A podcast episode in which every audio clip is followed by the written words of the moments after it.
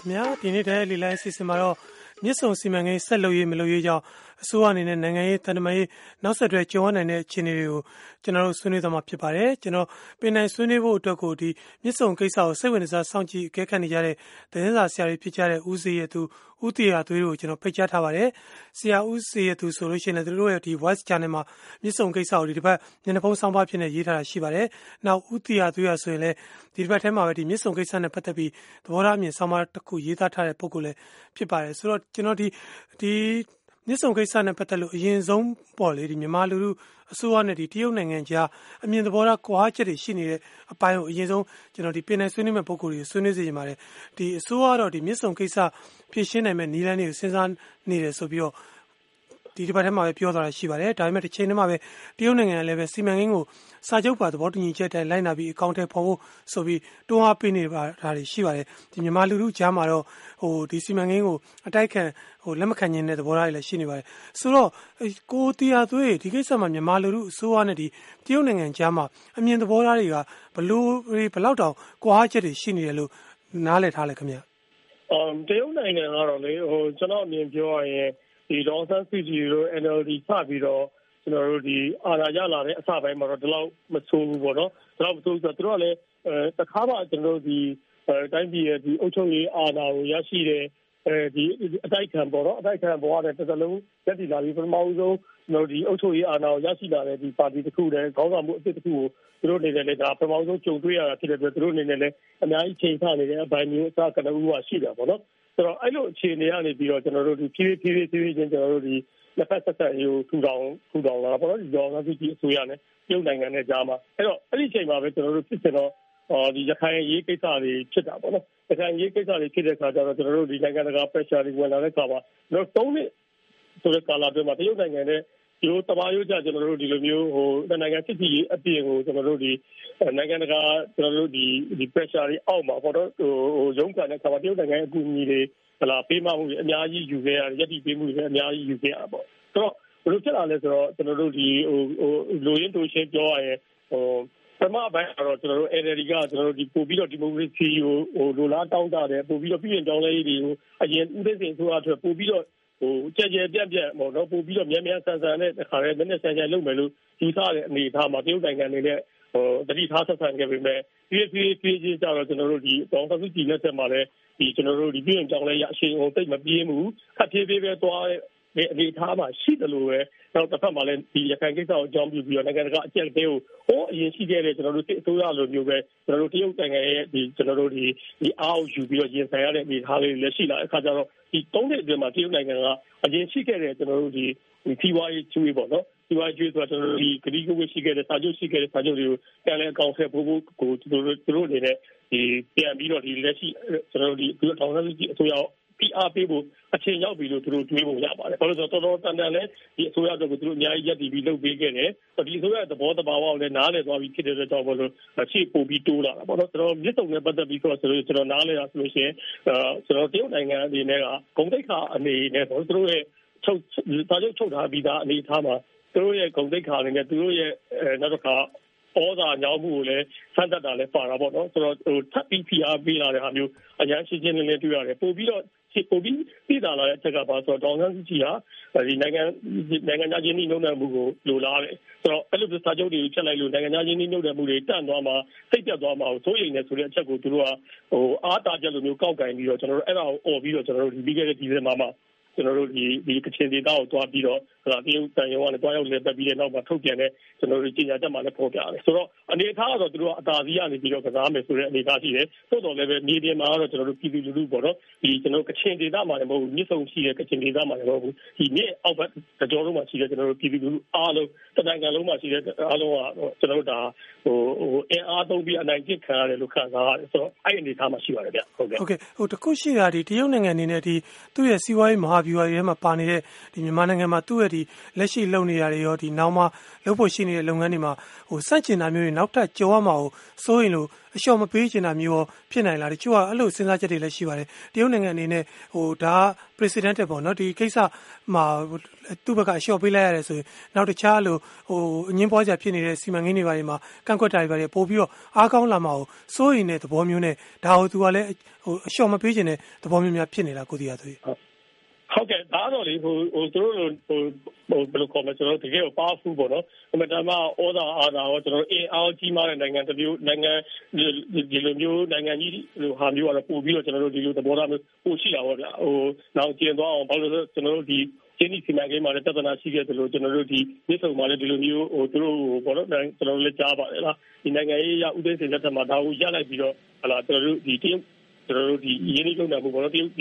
ဒီလုပ်ငန်းကိုကျွန်တော်တို့ဒီမြစ်ဆုံစီမံကိန်းကိုဟလာဟိုအတုံးပြုပြီးတော့အတုံးချပြီးနိုင်ငံရေးအတွက်သူ့နိုင်ငံရေးအတွက်အတုံးချသွားတယ်လို့သူတို့တွေခံစားသူခံစားချက်မကောင်းဘူးပေါ့နော်ဒီဒီဒီလိုမျိုးဒီသူတို့ရဲ့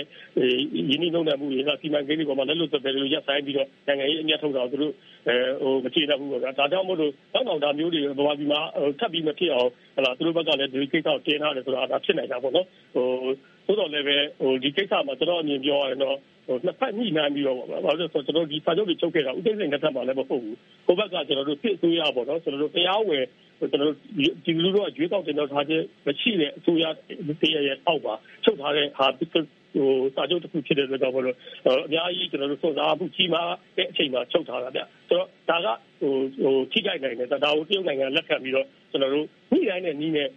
သူတို့ရဲ့နောက်ကိုဒီလိုမျိုးမဖြစ်စေချင်ဘူးဆိုတဲ့ဟာကိုအခြေချတဲ့တာပေါ့နော် ဟုတ်ကဲ့ပါဆိုတော့ကျွန်တော်ဥစီရဲ့သူရဲ့သဘောထားလဲဆွေးနွေးစေချင်ပါတယ်ကျွန်တော်အရင်ဆုံးတစ်ချက်အနေနဲ့ကတော့ဒီမြစ်ဆုံစီမံကိန်းနဲ့ပတ်သက်လို့ပေါ့လေမြန်မာလူလူဒီမြန်မာဆိုးရနဲ့ဒီတရုတ်နိုင်ငံတို့ကြားမှာအမြင်သဘောထားဘယ်လောက်ထိကွာဟနေလဲတလဲဆိုတာကိုအရင်ဆွေးနွေးစေချင်ပါတယ်အခုကျွန်တော်ကြားသိရလောက်ဆိုလို့ရှိရင်တော့ဒီစီမံကိန်းကိုဒီဒေသခံကချင်တိုင်းသားတွေမှလာမကပါတော့မြန်မာနိုင်ငံသားတွေကြားထဲမှာလည်းဟိုလက်မခံနိုင်တဲ့သဘောထားတွေကျွန်တော်ကြည်ကြဲလောင်ကြားနေရတယ်ရှိပါတယ်ဒီမြန်မာဆိုးရကတော့ဒီစီမံကိန်းကိုအရွယ်စားလျှော့ချတာဒါမှမဟုတ်လည်း နေရာပြောင်းတာဒါမှမဟုတ်လည်းဟိုတရုတ်နိုင်ငံကိုတခြားစီမံကိန်းတစ်ခုနဲ့အစားပြန်ပေးတာစသဖြင့်ပေါ့လေဖြစ်နိုင်ရရှိတဲ့နီးလန်းတွေစဉ်းစားနေတယ်ဆိုပြီးတော့ပြောထားတာလည်းရှိပါတယ်ဟိုတရုတ်ဆိုးရဘက်ကတော့ဒီစန့်ကျင်တယ်ဆိုတာဒီမြန်မာလူလူတရက်လုံးရဲ့သဘောထားမဟုတ်ဘူးဆိုတဲ့သဘောထားမျိုးနောက်ပြီးတော့စီမံကိန်းကတကယ်လုံးမယ်ဆိုရင်မြန်မာနိုင်ငံဖွံ့ဖြိုးရေးအတွက်အများကြီးထောက်ကူဖြစ်နိုင်တယ်ဆိုတဲ့သဘောထားမျိုးတွေသူတို့ကဇောင်းပေးပြီးပြောနေတယ်ဆိုတော့ဒီမြန်မာလူလူနဲ့ဒီအစိုးရနဲ့တရုတ်နိုင်ငံကြားမှာဟိုကို ဒီစီမံကိန်းနဲ့ပတ်သက်လို့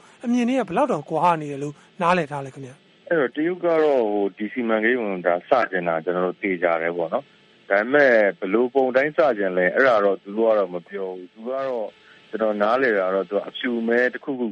ပြောစေချင်တယ်ပေါ့လေဆိုတော့တရုတ်တမကပြောရမှာကျွန်တော်ဖတ်လိုက်တာတခုကတော့သူကဘာလဲဆိုတော့ဒါမြန်မာပြည်ရဲ့လူမှုစီးပွားဖွံ့ဖြိုးတိုးတက်ဖို့ရယ်နောက်တစ်ခုကတော့ဟိုတရုတ်မြန်မာစီးပွားရေးစင်းစတော့မှာပေါ့အဲ့အဲ့ထက်မှာ စီမံကိန်းကြီးတွေပါတဲ့ခါကျတော့စွမ်းရင်သုံးရတဲ့ဟာတွေလည်းအများကြီးပါလာမှာဆိုတော့သူကဒါကိုပြန်စတင်တဲ့သဘောပေါ့လေဆိုတော့ဟိုသူ့ဘက်ကဟိုစကြင်တာတေးကြတယ်ဒါပေမဲ့ဘလို့ရွယ်စဘလို့ပုံစံမျိုးအရင်ပုံစံမျိုးလုပ်ချင်လားမတဲခွဲဘူးပေါ့နော်မြန်မာဆိုရကတော့ဟိုနောက်ဆုံးဦးဆောင်ဆုံးပြန်ပြောတဲ့ဟာပေါ့ဒီဒါကတော့နောက်ဆုံးဟိုတာဝန်ရှိဆုံးပုဂ္ဂိုလ်ရဲ့တယောက်လည်းဖြစ်တယ်နောက်ပြီးတော့ဟိုလက်ရှိအခြေအနေကိုလည်းသိတယ်ယင်းနှိမ့်နှံဝင်ပြီးပြောတာဆိုတော့သူဟာကတော့ အမှန်ဆုံးထင်ရတယ်သူကတော့ဘာပြောလဲဆိုတဲ့အခါကျတော့ခုနပြောခဲ့တဲ့အတိုင်းပဲဟိုရွှေ့ရင်ရွှေ့မယ်ဒါမှမဟုတ်ရွယ်စားသိရင်သိမယ်ဆိုတော့ဟိုငကူပုံစံတိုင်းအခုလက်ရှိချုပ်ထားတဲ့အတိုင်းတော့သူကမလုတ်ချင်တဲ့သဘောတော့တော့ဖြစ်နေတယ်ပေါ့အဲ့ဒီခါကျတော့အဲ့ဒါကိုမြန်မာဘက်ကအဲ့လိုသဘောထားရှိတဲ့ဟာကိုတရုတ်ဘက်ကလက်ခံရင်လက်ခံရင်တော့အဆင်ပြေမှာပဲလေကျွန်တော်မြင်တော့ညှိလို့မရစရာတော့အကြောင်းမရှိဘူးပေါ့နော်ဒါကဟိုနှစ်ဖက်ဆရာကလည်းဘာလို့လဲရံဖြစ်နေတဲ့ဆိုရမဟုတ်ဘူး နောက်ထပ်လှုပ်ရှားလှုပ်ရှားလဲခုနကြောက်ကြည့်လို့ဟာမျိုးပေါ့နော်တခြားရုံမျိုးတွေအများကြီးရှိသေးတယ်ဘက်ဘက်ကထောက်ဆရာရှိတဲ့အခါကျတော့ခုနဟာလေးပဲအဲ့နှစ်ခုဆိုရနှစ်ခုထိတ်တိုက်တွေ့ပြီးတော့ဒါညှိလိုက်မယ်ဆိုရင်တော့အဆင်ပြေသွားမယ်ပေါ့မြန်မာပြည်ဘက်ကတော့ဘာတော့လိုလဲဆိုကိုယ့်ဘက်ကဘာလိုချင်တာလဲအဲ့ဒါတော့ပြတ်ဖို့လိုတယ်ကျွန်တော်မြင်တာလေဟုတ်ကဲ့ပါဆိုတော့ကျွန်တော်တခုရှိတာဒီတရုတ်နိုင်ငံအနေနဲ့ကသူ့ဒီစီးပွားရေးမဟာဗျူဟာတွေချထားတဲ့အထဲမှာဒီမြန်မာနိုင်ငံ ငါလည်းတစ်စိတ်တစ်ပိုင်းပါနေတာဆိုတော့သူဒီလက်ရှိနောက်ဆုံးမြန်မာနိုင်ငံထဲမှာလည်းစီးပွားရေးလုပ်ငန်းတွေရှိနေတဲ့နောက်လုပ်ဖို့စီမံကိန်းတွေလည်းရှိနေတဲ့အချိန်မျိုးမှာဒီလိုမျိုးမြစ်ဆုံကိစ္စမှာသူ့ဘက်ကဟိုတစုံတရာအလျှော့ပေးရတယ်ဆိုရင်နောက်မှဒါမျိုးတွေဖြစ်လာမှာကိုစိုးရင်ချက်တွေကြောင့် तू ကအလျှော့မပေးခြင်းတဲ့သဘောမျိုးလားအဲ့လိုမျိုးစဉ်းစားမယ်ဆိုရင်ရနိုင်လားကျွန်တော်မြင်တော့ရှော့ပေးရတယ်ပါညာဆိုတာကတော့နှစ်ဖက်ရေရှည်ကြိုးစည်းပွားကြည့်တယ်ဆိုရင်တော့ဒါကတော့ပြည်လည်မှာပဲလေပေါ့လဲဆိုတော့ နိုင်ငံပြောင်းပြေးသွားလို့လည်းမရဘူးတရုတ်ဘက်ကလည်းမြန်မာစီကလိုချင်တာရှိတယ်မြန်မာလည်းတရုတ်ကလိုချင်တာရှိတယ်ဆိုတော့ပြီးတဲ့အခါကျတော့အခုလက်ထိကိုဘာပြောပြောခုနှစ်လောက်ဒါကတော့သူ2017ကလေးကဆိုစောင့်လာခဲ့ပြီးပြီဆိုတော့ဟိုနောက်ထပ်နည်းနည်းလေးပြောင်းလိုက်လဲကျွန်တော်အမြင်တော့အများကြီးတော့မနစ်နာနိုင်ဘူးလို့ထင်တယ်ကျွန်တော်ထင်တော့အဖြူမဲအဖြေသိကျင်တာပဲလေဦးသိန်းစိန်လက်ထက်ကလည်းဖြူမဲကဒါနှစ်ကုန်တီနောက်ထပ်နှစ်နှစ်တီကျွန်တော်ရွှေ့လိုက်တယ် sorry ဟို နှစ်သူ့သက်တမ်းကုန်တီကျွန်တော်ရွှေ့လိုက်တယ်အခုလဲရွှေ့ရင်ရွှေ့မလားမရွှေ့ဘဲနဲ့ခုနကပြောရဟာပေါ့လေဒီနောက်ထပ် option တစ်ခုပေါ့ရွေးစရာတစ်ခုကိုကိုယ့်ဘက်ကသွားမလားအဲ့လိုမျိုးပဲကျွန်တော်အမြင်တော့ဆုံးဖြတ်လိုက်ဖို့လိုတယ်။နှမို့ဆိုရင်ဒါကြီးကနှစ်ဖက်ကြားထဲမှာစူးလို့ဖြစ်နေဗျာ။စူးကတော့ကျွန်တော်မြင်တော့ထွင်ပြစ်မှဖြစ်မယ်ဗျာ။ထွင်မယ်ဆိုရင်လည်းဒီဒေါ်ဆန်းစုကြည်လိုမျိုးအခုဒါပြည်သူလူထုထောက်ခံမှုရထားတဲ့ဒီမျိုးကလုံးမှာပဲဒါပြည်သူတွေကဂျင်းနဲ့မယ်ပေါ့နော်။ကျွန်တော်မြင်တော့ ထွင်လိုက်ရင်လည်းအရန်ကြီးတော့ပြဿနာမတက်တော့ဘူး။ခုနကလိုကိုလူချင်တာပါလဲဒါတော့ပြပြတတာစဉ်းစားဖို့လိုတယ်ပေါ့နော်။ကိုဘက်ဆိုင်ကိုလည်းကြည့်ဖို့လိုရမယ်။အဓိကတော့ကိုလိုချင်တာပါလဲဒါကြည့်ဖို့လိုတယ်ဗျအဲ့ဒါနဲ့ချလိုက်ရင်တော့ကျွန်တော်မြင်တော့အဆင်ပြေမယ်ထင်တယ်ဟိုဘက်ကလည်းလက်ခံနိုင်ပါပဲနော် ဟုတ်ကဲ့ဆိုတော့ဟိုဒီတစ်ပတ်ထဲမှာပဲပေါ့လေတက်တက်ဆန်ဆန်ဒီတရုတ်ကွန်မြူနစ်ပါတီရဲ့အားပေါ့ Global Times သတင်းစာမှာလည်းသဘောထားမြင်ဆောင်းပါးတစ်ခုကျွန်တော်တွေ့ရပါတယ်ဟိုသူ့ဆောင်းပါးရေဝီရပြောမယ်ဆိုရင်တော့ဒီမြစ်ဆန်စီမံကိန်းကိုလှုပ်တင်နေဆိုတာကိုဇောင်းပေးထားတာပါဟိုသူ့ထဲမှာထောက်ပြထားတာတချို့ကတော့2017မှာဒီရဲရွာရေအားလစ်စစ်စီမံကိန်းကိုတရုတ်ကူညီနဲ့တိစောက်ခဲ့လို့ရန်ကုန်မိပေးနိုင်ခဲ့တယ်ပေါ့လေဆိုတော့အခုမြစ်ဆုံဆိုရင်လည်းဒီလိုပဲအကျိုးရှိနိုင်တဲ့ကိစ္စတွေရှိတယ်ဆိုပြီးသူကရေးပါတယ်ဆိုတော့ ဒီလိုပေါ့လေဒေသခံတွေထိခိုက်နေနိုင်တဲ့ပတ်ဝန်းကျင်ထိခိုက်တာတွေရှိမယ်ဆိုပြီးကန့်ကွက်တာတွေရှိပေမဲ့လည်းတကယ်တမ်းဒီလိုပေါ့လေအကျိုးခံစားရတဲ့အပိုင်းတွေရောတကယ်ပဲရှိနိုင်သလားကိုဇေယျသူပဲဆွေးနွေးပြပါဦးခင်ဗျာအဲသူကအကျိုးကတော့ရှိမှာပေါ့လေဘယ်လုပ်ငန်းမဆိုကိုကအကျိုးမရှိရင်တော့ဒီစီမံကိန်းကြီးက စကြတဲ့ကကိုကဘာမှမကောင်းဘူးဆိုရင်တော့စပြစ်မှာတော့မဟုတ်ဘူးဒါပေမဲ့အကျိုးမြတ်ကဘလောက်များနေလဲပေါ့နော်ဥပမာ50 50လား40ဟော40 60လားဘယ်ဘက်ကတာနေလဲပေါ့နော်ပြီးရင်ခုနကလိုမျိုးစိုးကျိုးတွေဆိုရင်လည်းကိုကရှောင်တိန်နိုင်မလားအဲ့ဒါမျိုးတော့တွက်ဖို့တော့လိုတာပေါ့ဟိုရုပ်ဘက်ကဒါမျိုးတွေဟိုသူများတွေမစိုက်ထုတ်နိုင်တဲ့အချိန်မှာသူကဝင်ပြီးစိုက်ထုတ်ပေးတာအဲဝင်ပြီးတော့ခုနလိုမျိုးပေါ့လေဂျင်းနှိမ့်နိုင်ကြတာဒါတွေကတော့ဟိုကျွန်တော်တို့ကြိုးစိုးရမှာပဲဒါပေမဲ့ဟို ကိုယ်နိုင်ငံရဲ့အကျိုးစီးပွားပေါ့လေပြီးတော့ခုနလိုမျိုးဒါလွန်ခဲ့တဲ့10နှစ်လောက်ကဒါချုပ်ထားတဲ့ဟာဖြစ်နေတဲ့ခါကျတော့လက်ရှိခြေအနေနဲ့ကမကိုက်တော့ဘူးဆိုရင်ဒါလုံးလုံးဖြတ်ဖို့လဲဒါဒီဘက်ဆိုရပြောတာလည်းမဟုတ်ဘူးရွှေရင်ရွှေမယ်ဒါမှမဟုတ်ရွယ်စားသိရင်သိမယ်ဒါမှမဟုတ်လဲတခြားစီမံကိန်းနဲ့လဲလို့လည်းရနိုင်တယ်ဆိုတော့ခုနကဒီလက်ရှိကုမ္ပဏီကကြတော့လေတရုတ်နိုင်ငံပိုင်လိုဟာမျိုးပဲပေါ့နော်ခုနလိုမျိုးဒါနိုင်ငံရေးနဲ့လည်းစဉ်းစားလို့ရတဲ့ကုမ္ပဏီကလည်းဖြစ်နေတဲ့အခါကျတော့သူကတော့လက်ရှိမှာထားတော့ဒေါ်လာ1ဘီလီယံလောက်စိုက်ထားရတယ်ဆိုရင် တခြားစီမံကိန်းနဲ့လဲပေးမယ်ဒါမှမဟုတ်နေရာပြောင်းလိုက်တယ်ဆိုရင်တော့ကျွန်တော်မြင်တော့အဆင်ပြေသွားနိုင်တယ်ဒါဟုတ်ပဲတရုတ် global times ဆိုလည်းတွေ့ရအဘောကလည်းတွန်းတဲ့သဘောပါပဲပေါ့နော်ကျွန်တော်မြင်တယ်ပေါင်စန်းစုကြည်ဟိုကစကားတောင်သူကဘာပြောပြောကြီးညွှန်းထားလိုက်ပြီးတယ်ဒါမြန်မာပြည်နာမည်ပြတ်မဲ့ပါညာဆိုဟုတ်တယ် ဟုတ်ကဲ့ကျေးဇူးပါဆိုတော့ကျွန်တော်ဒီဆွေးနွေးပွဲအတွက်ကိုကျွန်တော်တို့ပါဝင်ဆွေးနွေးဖို့ကျွန်တော်တို့ဆက်သွယ်ထားတဲ့ပုံကိုတချို့လည်းလေလိုက်ပေါ်မှာရှိနေပါတယ်အရင်ဆုံးကတော့ကိုတန်းမောင်ဖြစ်ပါတယ်ကိုတန်းမောင်ဆွေးနွေးနေတာပဲဖြစ်ဖြစ်မေးမြန်းနေတာပဲဖြစ်ဖြစ်ဆွေးနွေးမေးမြန်းလို့ရပါတယ်ခင်ဗျာမဗီနာမည်ပြတ်မယ်ဆိုတာကလောက်သွားတာအရှိအစစ်အစိုးရတွေလောက်သွားတယ်ဒီတိုင်းပြည်တဲ့ဘာအကျိုးမြတ်ရှိမလဲ ဆိုတော့သူတို့မစင်တာသူတို့အကျိုးမြတ်ရှိမြတ်သူတို့လောက်သွားတယ်အခုမဟာဒီကြည့်တယ်သူတို့တက်ရထားလောက်မှပြောတယ်ဟိုမလုပ်ဘူးလို့ညင်းထုတ်လိုက်တော့တရုတ်ကချက်ချင်းမဲ့တဝက်လျှော့ပြီးမှပြောတယ်ကိုပြည်တဲ့ကိုလူမျိုးတွေဘာတိုးတက်မှုရှိမလဲဆိုတာဒါအစိုးရစဉ်းစားရမယ်ဒီဟိုတရုတ်အစိုးရအစိုးရဆိုတာခင်ဗျားတို့နေသက်မှာကြည့်တယ်သူတို့ကလူတွေကိုဘလို့စစ်ပြီးဘလို့ဒုက္ခပေးနေတယ်ပစ္စည်းတွေရောက်တော့လေပစ္စည်းတွေကိုခဏပိတ်စစ်ဟိုလိုစစ်ဒီလိုစစ် ဒါနိုင်ငံတကာဟိုပိတ်ထားတော့သူတို့တူးလဲဝယ်ရတယ်သူတို့တူးလဲလောက်ရတယ်ဆိုပြီးတော့သူတို့ကပိတ်ထားတာလေဟိုနိုင်ငံတကာနဲ့ဆက်ဆံကြည့်မယ်ဆိုအများကြီးရလာမှာပါနောက်တစ်ခုကသူက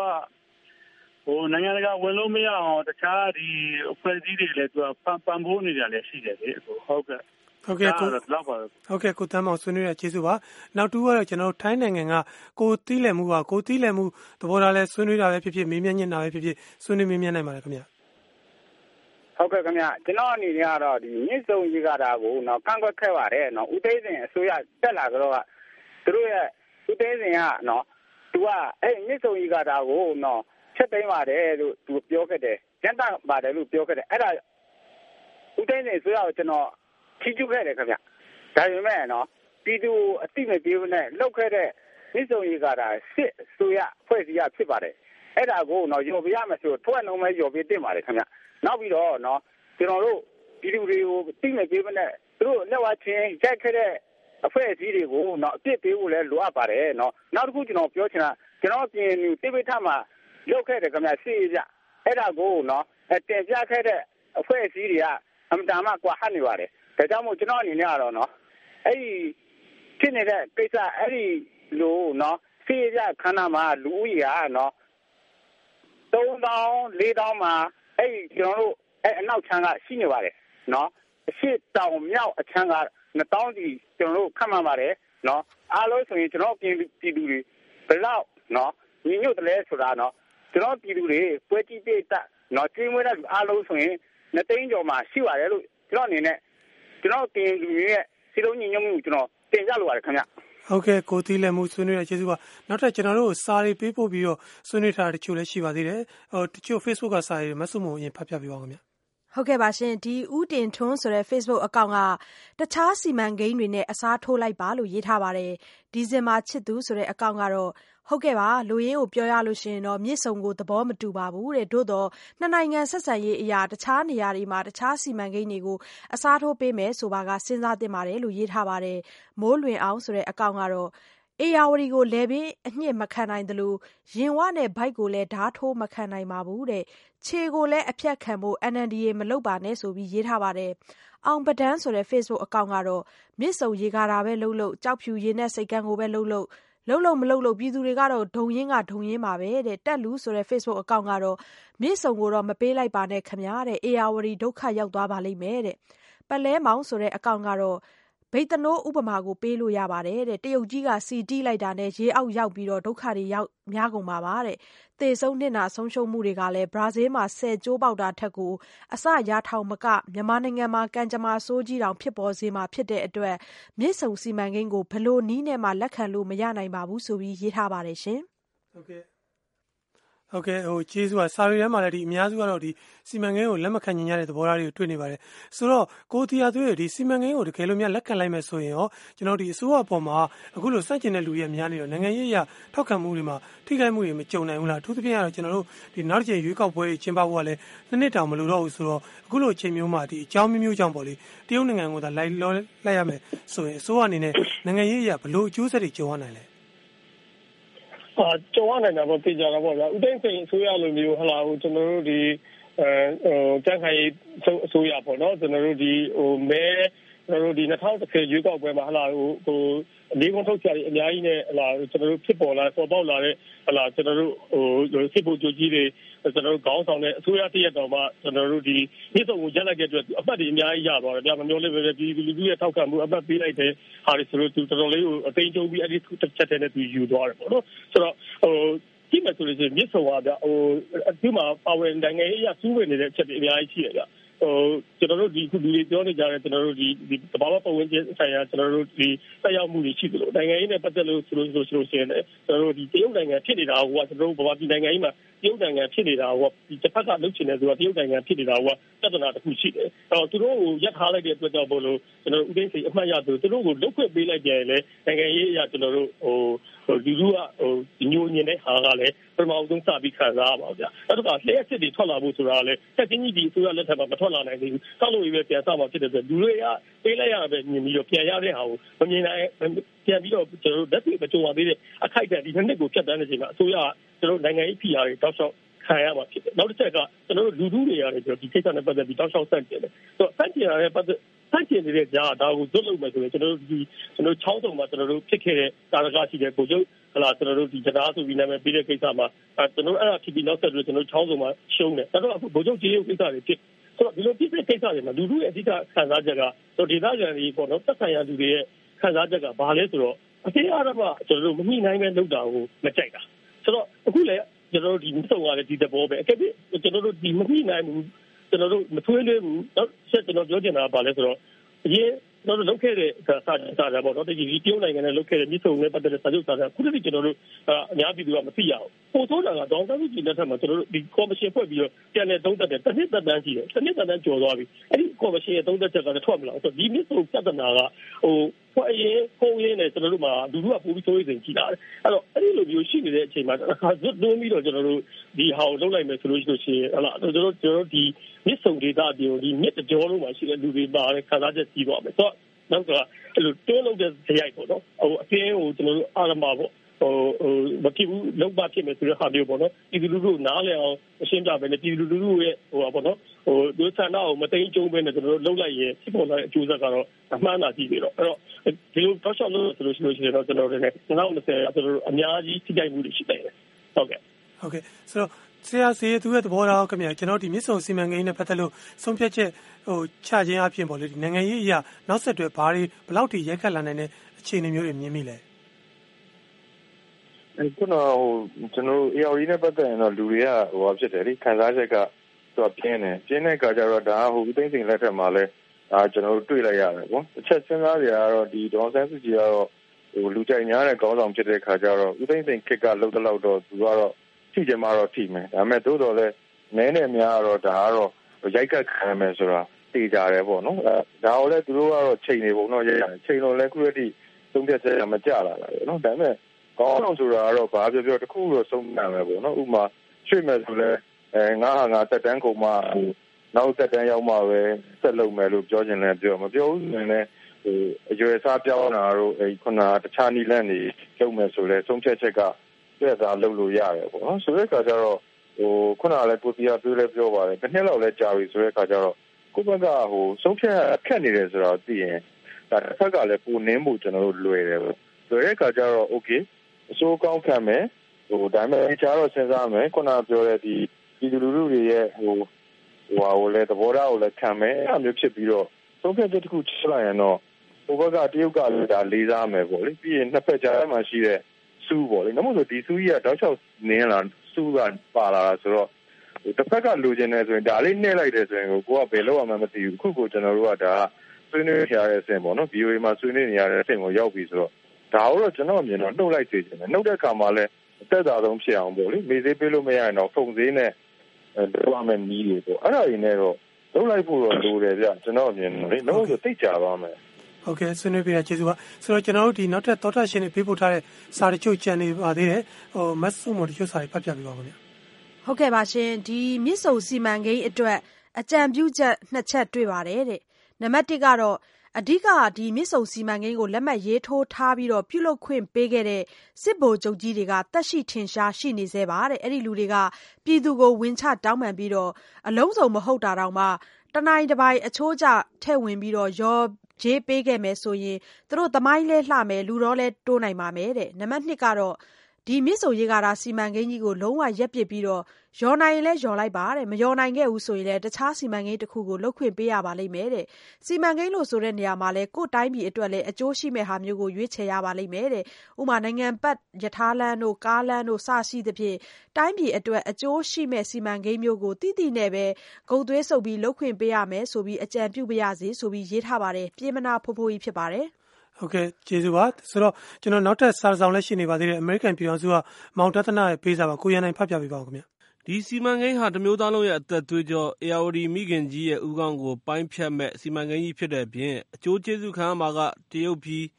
ဘေးအန္တရာယ်ပေါင်းစုံနဲ့ရင်ဆိုင်ရမှာကမြန်မာပြည်ဖြစ်နေတာကြောင့်ဒီစီမံကိန်းကိုလုံးဝရပ်ဆိုင်းသင့်တယ်လို့ယူဆမိပါတယ်။ဒီလိုရပ်ဆိုင်းလိုက်မယ်ဆိုရင်ရော်ကြေးကိစ္စတွေပြည်တွင်းငြိမ်းချမ်းရေးမှာ တရုတ်နိုင်ငံရဲ့ ပါဝင်မှု အရေးကြီးတဲ့ အခန်းကဏ္ဍတွေနဲ့ မြန်မာနိုင်ငံအပေါ် နိုင်ငံတကာရဲ့ ဖိအားပေးမှုတွေအပေါ် အကာအကွယ်ပေးနေတဲ့ တရုတ်နိုင်ငံရဲ့ ရပ်တည်မှုတွေအပေါ်မှာ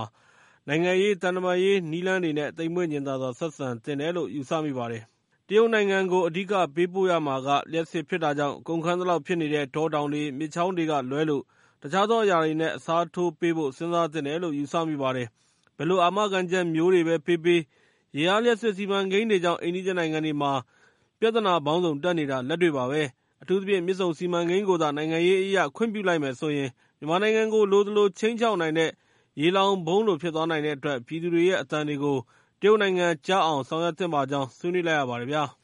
ဟုတ်ကဲ့ ဒါကတော့ အမေရိကန် ပြည်ထောင်စုက မောင်တသနာရဲ့ ဆွေးနွေးချက်ပါ ဆိုတော့ ကိုတီယာသွေးသူကတော့ဒီတရုတ်နိုင်ငံနေနဲ့ မြန်မာလူထုအတန်းကိုကြားအောင်ဟိုလှုပ်တင်နေဆိုပြီးသူကတိုက်တွန်းပါတယ် ဆိုတော့ ကျွန်တော်ဒီမြစ်ဆုံကိစ္စနဲ့ ပတ်သက်ပြီးတော့ အခုလိုအခြေခဲ ဖြစ်နေတဲ့ ကိစ္စကို နိုင်ငံရေးတန်တမာရေးအရာ အကောင်းဆုံးဖြည့်ရှင်းနိုင်မယ့်နည်းလမ်းတွေရောဘာတွေများမြင်မိလဲကိုတီယာသွေး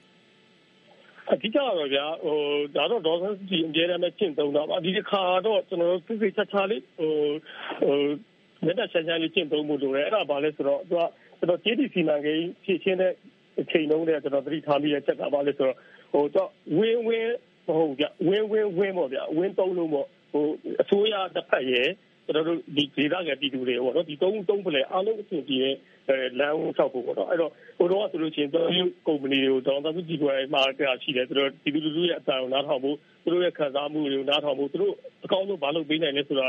ဟိုဟိုရှာဖွေပြီးတော့လုပ်ပေးပြီးတော့ဟောသူတို့ကပါလာတဲ့စီမံကိန်းမျိုးပြောင်းတူစားဖို့မှာခဲ့တယ်အခုလည်းဒီသဘောပဲကျွန်တော်တို့ဝင်းဝင်းဝင်းပေါ့နော်သုံးဘက်လုံးဝင်းနိုင်တဲ့ဒီကိုကျွန်တော်တို့အားလုံးရှာဖို့လိုတယ်အဲ့ဒီမှာတစ်ချက်ကလေးပဲကျွန်တော်တို့အစိုးရရဲ့အခမ်းကဏ္ဍအထူးသဖြင့်ပေါ့နော်ဒေါ်စန်းစုကြည်သူကတော့တကယ်ကိုအရေးကြီးတဲ့အခမ်းကဏ္ဍမှာရှိတယ်နောက်တစ်ခါသူကအယက်သားမဒမပါတဲ့ဟိုနိုင်ငံရေးသမားလည်းဖြစ်တဲ့အတွက်ကြောင့်မလို့တရုတ်နိုင်ငံနဲ့ကျွန်တော်တို့ဒီပြည်သူလူထုကြားမှာအကောင်းဆုံးကစားနိုင်မယ်လို့ထင်တယ်ဆိုတော့သူအနေနဲ့လောက်ရမှာကကျွန်တော်အမြင်ပြောရရင်တစ်ဖက်လုံးရှောင်နိုင်တဲ့နီလန်တစ်ခုကိုသူ့အနေနဲ့ရှာပေးရမယ်ရှာပေးပြီးစစ်ဆက်ရေးပေါ့နော်အဓိကတော့ဟိုအစိုးရနှစ်ဖက်ကြားမှာဇွတ်တွန်းလောက်တာမျိုးမဟုတ်ပဲနဲ့ကျွန်တော်တို့ပြည်သူလူထုကျေကျေပြန့်ပြန့်ပေါ့အဲပြည်သူလူထုလို့ပြောတဲ့ကံပါလဲအခုတရုတ်အာဘော်ပေါ့တရုတ်မီဒီယာရဲ့အာဘော်ကအကြောင်းလန်းနေတဲ့ကိစ္စတခုကျွန်တော်ပြန်စိတ်ပူတယ်အဲ့ဒါပါလဲဆိုတော့မြစ်ဆုံကိုစန့်ကျင်နေတာကကျွန်တော်တို့နိုင်ငံရေးသမားတွေနဲ့တရုတ်နိုင်ငံအကျိုးစီးပွားကိုဟိုမလိုလားတဲ့လူတွေကပဲစန့်ကျင်နေဆိုတဲ့ပုံမျိုးပြောဆိုဒီယူကဒီယူဆတစ်ခါပြကြရင်စိတ်ကြောက်ဖို့ကောင်းတယ်အစိုးရအုပ်ချုပ်သူတွေကတစ်ခါကြအဲ့လိုတွေးသွားတယ်ဒီစန့်ကျင်နေတဲ့လူတွေနည်းနည်းပါးပါးကိုကြည့်ပြီးတော့ဒီလူလူနည်းပါးပါးလေးတော့ဟိုတရားတွေကျွန်တော်အချိန်ဘယ်လောက်ပဲရတဲ့အတွက်ဆွေးနွေးပွဲကိုဒီနေရာမှာပဲရပ်ပြရစေဟုတ်ကဲ့ပါဝင်ဆွေးနွေးပေးတဲ့ဦးတရားသွေးဦးစီရဲ့သူကိုယ်တိုင်ပါဝင်ဆွေးနွေးတဲ့သူတွေနဲ့မှတ်ချက်တွေရေးသားပေးဖို့သူတွေတောတာရှင်တွေအားလုံးလည်းအထူးကျေးဇူးတင်ပါတယ်ခင်ဗျာ